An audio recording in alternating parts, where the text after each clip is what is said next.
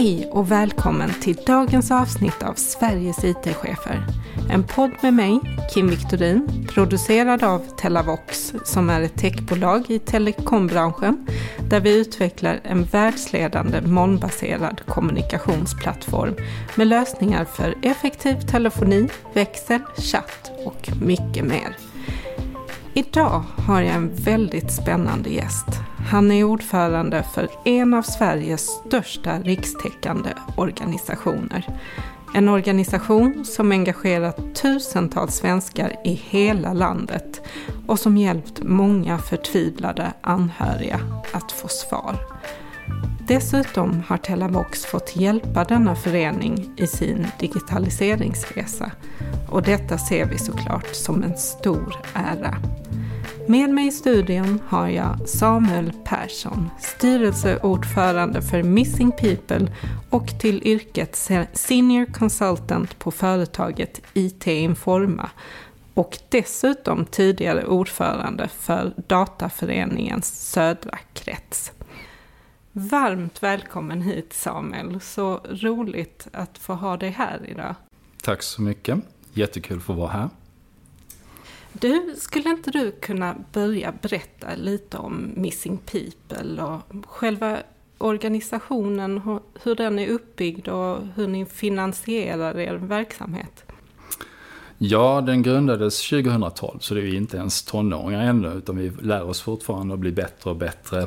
Ehm, vi har eh, uppdelat oss i 23 regioner runt om i Sverige, så vi täcker hela Sveriges yta.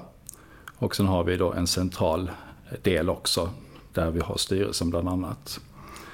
Eh, vi finansieras helt och hållet av privata medel. Vi får inget statliga bidrag, utan vi är beroende av näringsliv, privatpersoner som ger oss gåvor. Vi har en eh, jour som sitter och jobbar 24-7 nästan på. Frivilliga personer som inte är avlönade. Vi har eh, den här specialutbildade gruppen runt 270 personer i Sverige som heller inte är avlönade. Som är eh, de som planerar och genomför, leder de här sökinsatserna. Okej. Ja, det är ju tusentals människor, eh, svenskar, som engagerar sig i Missing People. Varför tror du det finns ett sådant stort engagemang där ute? Det är en ganska så bred fråga. Eh, det finns säkert de som har en koppling till ett försvinnande. Men det finns också inbyggt, tror jag, ett samhällsengagemang hos människor. Det är självklart att man ställer upp om det är någon i närheten som försvinner. Jag tror också att det är mer tydligt i mindre byar där man känner varandra kanske eller vet vem den där personen är. Och försvinner den personen, det är självklart att man sluter upp mantalt och eh, hjälper till att leta. Du, jag antar att du har varit med om många sökinsatser. Hur, hur påverkar det ett samhälle när någon försvinner? Jag har varit med på en del och eh, det är ju olika. Det är ju en eh, emotionell resa man går igenom när man får första beskedet att någon har försvunnit. Eh, tills man börjar planera den här sökinsatsen och går ut och letar. Eh, ibland är det ett tragiskt avslut, ibland är det ett lyckligt avslut. Och eh, man lever, särskilt vi som har den här utbildningen att eh, genomföra och planera sökan, att vi lever nära anhöriga. Och får leva genom deras känslor också, få ta del av dem. Och det kan ju vara en berg och och ni är ju vanliga människor som har andra yrken och så vidare. Hur hanterar man denna känslomässiga berg och dalbana? Vi har ju ett litet skyddsnät. Vi har ju samtal om det behövs och särskilt har vi det för eh, de personer som har varit närmst det här försvinnandet. Om man nu till exempel hittar personen avliden. Då har vi mycket krisberedskap och krisstöd och vi har eh, backup från eh, försäkringsbolag och så vidare som ställer upp med professionell hjälp. Därför ehm, man vet ju aldrig hur man reagerar i en krissituation och man kanske blir väldigt överrumplad själv i det läget. Eh, har, har ni någon slags grundutbildning inför att möta detta? Alltså de här eh, utbildade har ju en grundutbildning men vi kallar ju till allmän sök och det är vem som helst som känner att de vill ställa upp och bidra med det de kan. De kan vi inte garantera att de har en grundutbildning. Vi försöker vid eh, själva insatsen att förbereda dem så mycket som möjligt vad vi vet, vad vi kan säga. Och utifrån det så får man ju såklart bestämma om man vill fortsätta eller om man vill kanske ställa upp och göra andra saker som också är viktiga för oss. Koka kaffe, vika västar och så vidare. Så det finns massa olika roller att kunna ställa upp med vid en sökinsats och inte bara gå ut och söka. Så att känner man själv att jag är lite osäker idag på att jag kanske vill gå ut och möta det som kanske finns där ute, att jag kan ta en annan roll på det sättet. Mm. Men många av de som dyker upp är ju sjukvårdsutbildade, militärer, poliser. En del av dem har ju en hel del erfarenhet med sig ut från detta. Så de är ganska rutinerade från början. Därför det var min nästa fråga här, vad det är för slags personer som brukar söka sig till de här uppgifterna. Ja, de, de vi kallar för eh, grönvästar, de har gröna västar på sig, de som är utbildade i de här sökinsatserna. De har många gånger en bakgrund från eh, eh, ja, sjukvård, eh, polis, militär och så vidare. På tal om ehm, eh, olika räddningsinsatsmyndigheter, hur ser ert samarbete ut med polisen? Fungerar det smidigt? Det fungerar jättesmidigt. Vi har eh, blivit, eh, som någon ung elev skrev en uppsats, vi har blivit deras eh, förlängda arm. Och eh, det märker vi själva. Så fort det är ett eh, försvinnande där polisen ser att de behöver en förstärkning, då, då brukar de kontakta oss. Så de ser er som en värdefull hjälpande hand?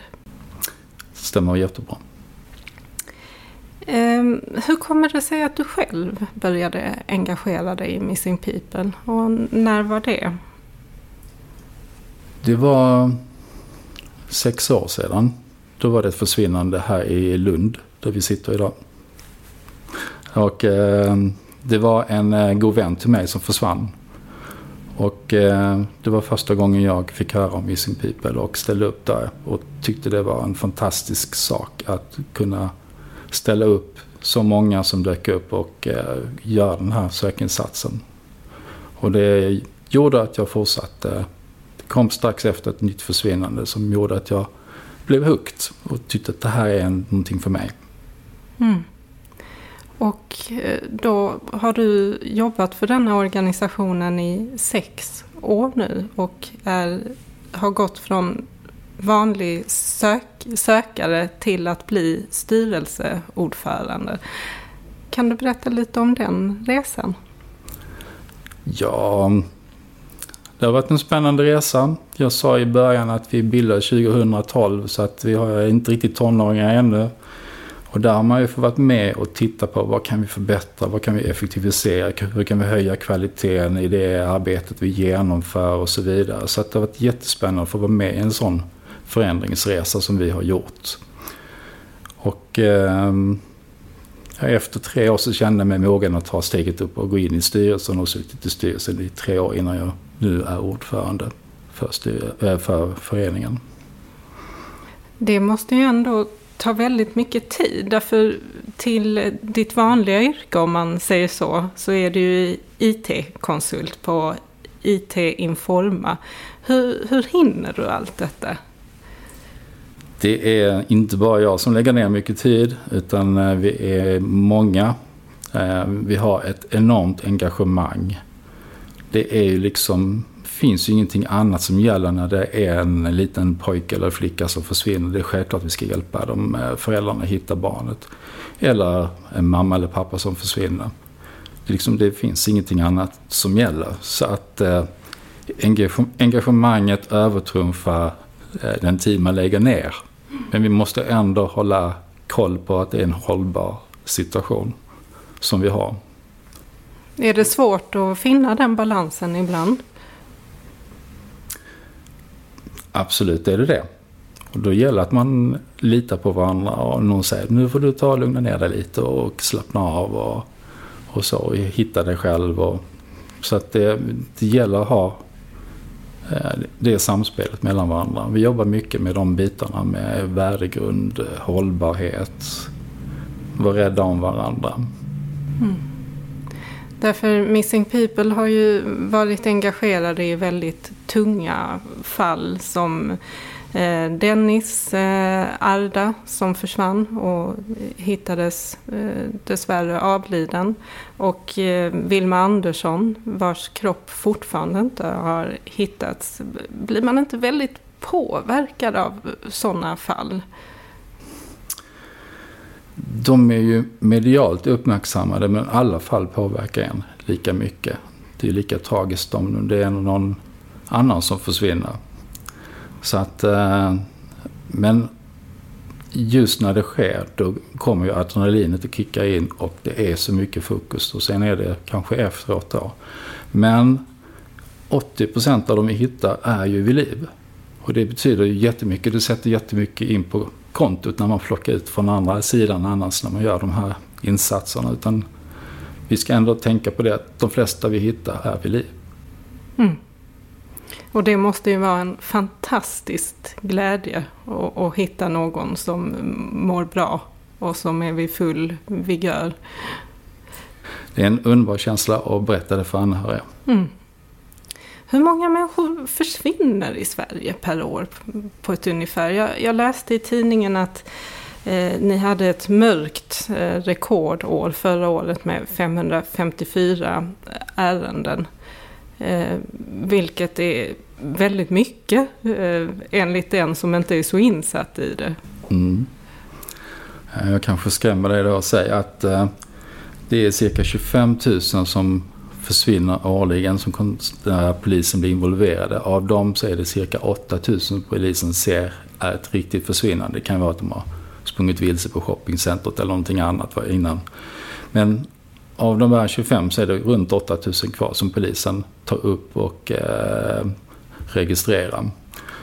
Och eh, av dem så pågår de lite längre och då involveras Missing People i det och det är de här 500-600 stycken årligen.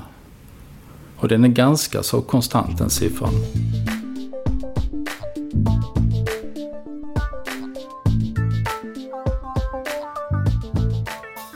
Ni har en Facebook-sida som måste vara en av de största Facebook-sidorna i Sverige. Med nästan är det 700 000 följare.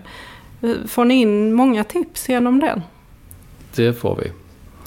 Det kommer mycket tips där. Det kommer mycket tips via Messenger-kanalen där på Facebook. Så det är ett fantastiskt verktyg att eh, använda sig av. Och hur, hur, varför tror du att ni har blivit så framgångsrika på Facebook? Vi når ju via Facebook eh, direkt flöden hos folk och folk eh, sig emotionellt när det är ett försvinnande och delar det vidare till sina och så, och så blir det som en löpeld. Men eh, som du säger, vi har runt 700 000 sökare men varje eh, efterlysning vi lägger upp delas i snitt en och en halv till två miljoner gånger. Så att vi får ett stort genomslag på det sättet. Så absolut, sociala medier är ett viktigt verktyg för oss. Får ni in mycket finansiering också genom Facebook? Eh, det är ju aldrig tillräckligt. Men uh, där kommer in en del. Uh, och där kan vi säga att det finns ju bara en pengapåse. Så även om det kommer in en skänkknapp, en gåvoknapp under en efterlysning så är det ju inte för den personen som det handlar om. Utan det går ju till en gemensam pott hela tiden. Som fördelas ut till de här 23 regionernas sökinsatser. Mm. Jag, jag såg att ni hade lagt in en mors dag-knapp på er Facebook-sida. Att man kunde skänka en liten present till sin mamma mm. genom er. Det var ju väldigt fint. Ja. Påhittigt. Tack.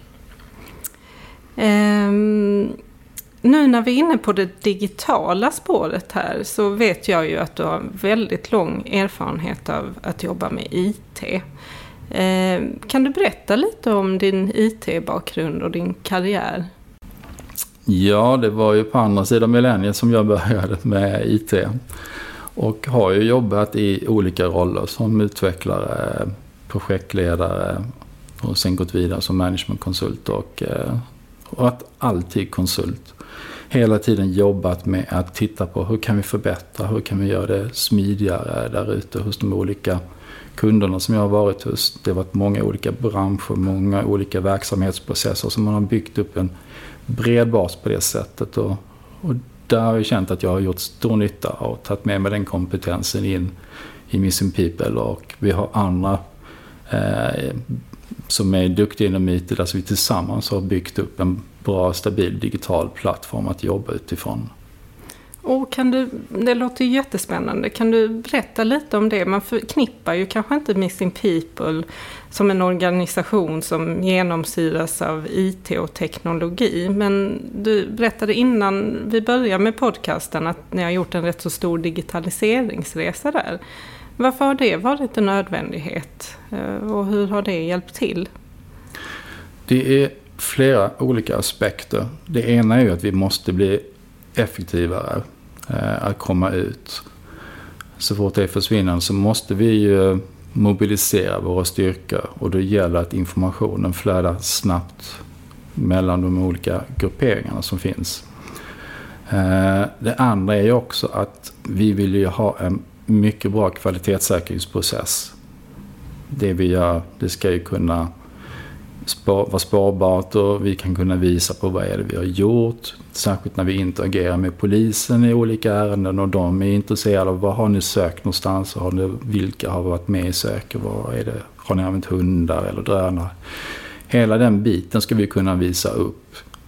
Och, eh, och det är ett sätt för oss att bygga den här fantastiska relationer vi har med polisen. Att vi hela tiden kan visa på vad är det vi håller på med. Att vi vet vad vi gör. Att vi har koll ner på minsta detalj. Vi vet hur många timmar vi varit ute i ett visst område och sökt. Och vilka som har sökt där. Så det hjälper väldigt mycket med transparensen eh, gentemot andra myndigheterna. Absolut, transparensen och också att vi kan gå tillbaka och titta på detta och bygga lärdom och bli ännu bättre hela tiden. Mm. Kan man kalla det att ni har på något sätt instiftat ett ärendehanteringssystem? Eller? Vi har ett eh, riktigt ärendehanteringssystem som är GDPR-säkrat och har styrning på vilka som har access till vad för typ av information och så vidare. Det är jätteviktigt för trovärdigheten hur påverkade GDPR er? Um, det är precis som alla andra företag, vi behöver ha ett samtycke från de som anmäler in ett försvinnande, att det är okej. Okay. Vi har ett antal frågor de eh, går med på om vi ska publicera ett eh, försvinnande på, på Facebook till exempel. Det gör vi inte om inte de har sagt OK till det. Vi gör det inte heller om inte polisen har sagt OK till det. För det är jätteviktigt att hålla den här integriteten. Eh, så att eh, vi har de, eh, bakat in de reglerna som GDPR kräver i våra system för att ge så bra stöd som möjligt för både jouren och de som är ute på sökinsatser. Ja, därför ni håller ju på med ytterst känsliga ärenden och om man avslöjar fler grejer så kan det ju påverka själva polisutredningen. Hur, hur pratar ni om det internt? Vi har ju arbetat mycket med vad vi kallar för informationsmodellering. Vi har skapat informationstyper så att vissa typer av information är bara tillgänglig för vissa människor. Och, och en mer generell information är kanske mer öppen för fler. Så att det är väldigt få som känner till kanske om det skulle finnas en sjukdomsbild bakom. Det är inte någonting som är offentligt inom hela Missing People heller utan det är bara några få som känner till en sån sak. Så ni har olika processer för vem som ska ha eh, informationen och vem som inte ska ha det? Precis, det kan man säga. Hur kommunicerar ni med varandra? Eh, såklart så är det ju det snabbast enklaste via mobiltelefoner. Mm. Det har vi. Och eh, sen har vi såklart ärendehanteringssystemet som är det bärande av information. Där dokumenteras allting. Det är ju liksom ett journalsystem kan man säga. Men absolut så är det mobiltelefonen som är vår viktigaste kanal. Ja, och ni är ju ganska nyblivna Telavox-kunder och du nämnde att vi har hjälpt till er med den sista biten av er digitaliseringsresa. Hur, hur har det förändrat? Eh, Ehm, det, har, det är ju så pass nytt så vi har inte riktigt hunnit komma igång med det eh, på, i, i större skala. De regioner som har kommit igång är enormt nöjda. Eh, själv använder jag den också nu och det är jättebra. Ehm, vi kan lägga upp köer så vi liksom kan ha, hjälpas åt med bevakning på inkommande samtal och, och vara tydligare i, i eh, delegeringen av, av de inkommande samtalen. Så jag, är jättenöjd. Men jag vill bara korrigera, det är inte vår sista bit på digitaliseringsresan, men det är vår senaste. Nej, givetvis så stannar aldrig en digitaliseringsresa där. Klart. Eh, ni, ah, du nämnde också att ni hade börjat med en digital utbildningsplattform. Kan du berätta lite mer om det? Också en bit i det här med kvalitetssäkring. Att vi eh, försöker eh, se till att alla har likadan utbildning, att man eh, har samma förutsättningar var vi än är i landet när det gäller att bygga upp sin kunskap. Det är en superspännande plattform där vi har tagit fram utbildningsmaterial både för att kunna planera och genomföra sökinsatser. Det kommer inte ersätta lärarledd utbildning utan det ökar egentligen möjligheten att kunna repetera och eh, hålla sig ajour med saker som händer. För det sker utveckling i eh, metodområdet på hur man gör en eftersökinsats. Då. Så att eh, både det, men sen har vi också sett behov av andra typer av eh, kompetenser som hur man, ja, ledarskapsutbildningar och krishanteringssamtal och det finns en massa olika områden vi ser vi skulle kunna vilja fylla på och erbjuda kompetens. Och tar vi nu som det ser ut i de här, den här tiden med pandemi där vi inte kan ha lärarstödda utbildningar så är det fantastiskt att kunna, kunna komma åt det här via webben och, och ta del av den här informationen. Ja, det är ju himla effektivt, eh, verkligen. Och säkert väldigt uppskattat. Av, jag antar att det är de 270 volontärerna som får ta del av de här digitala utbildningarna. Det stämmer. Så att du får också bli en sån volontär du få fantastisk utbildning. Man blir otroligt eh, sugen faktiskt när du sitter och berättar om eh, Missing People.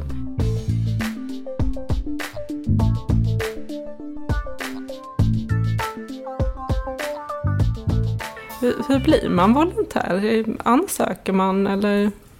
Det enklaste vägen är väl att när det är en sökinsats, först anmäler man sig till sökarregister så man får ett sms eller tittar på Facebook, följer oss där så man vet när det sker någonting i närområdet. Sen så hoppas man att man har möjlighet och tid att komma vid den sökinsatsen och, och prata med de som finns där. Så, så tar de dig i handen och hjälper dig in och, eh, sen, eh, och visar hur det går till. Så att det är bara att komma och prova på. Inga krav på närvaro eller någonting sånt utan det är på dina förutsättningar som det gäller. Det ska jag verkligen eh, göra. Hur, hur är stämningen under en sån sökinsats? Den är oftast väldigt, väldigt positiv och beroende på situationen. För att man har ju ett gemensamt syfte. Det är att vi ska göra allt vad vi kan för att gå ut och hitta den här försvunna personen. Ja, och även fast inte människor känner varandra från början så stärker nog det gemensamma syftet gruppen mm. otroligt mycket. Oh ja, man kommer nära varandra snabbt. Mm, det gör man. Du, vi ska börja runda av den här podcasten lite nu. Men jag hade blivit jätteglad om du kunde dela med dig av ditt bästa ögonblick eller minne med Missing People. Nej men det är som de flesta när man får komma till en anhörig och berätta. Vi har hittat din flicka. Eller hittat din pojke. I det här fallet var det en ung flicka som vi hittade vid liv. Så att eh, föräldrarna hade nästan gett upp och man möts av deras känslor och så vidare. det är fantastiskt. Oh, jag blir väldigt rörd själv bara att sitta och höra på det. Vilken otroligt lättnad det måste vara för alla parter. Oh ja. Mm. Du, eh, Samuel Persson, tusen tack för att du kom hit idag. Eh, det var en eh, stor ära för oss att få höra om Missing People och er spännande digitala resa som givetvis fortsätter i all oändlighet för de flesta företag. Du får ha det så bra och så hörs vi. Tack så mycket för att jag fick komma hit, det var jättekul. Tack. Och tack till alla ni som lyssnat. Jag vill som vanligt passa på att tipsa er om vår grupp på LinkedIn som heter samma sak som podden, Sveriges IT-chefer. Gå med i den och passa på att nätverka med andra i liknande roller. Ställ frågor till varandra och få såklart mer information om kommande avsnitt. Eller tipsa om dig själv eller någon annan spännande gäst som du tycker borde vara med. Gör det nu genast.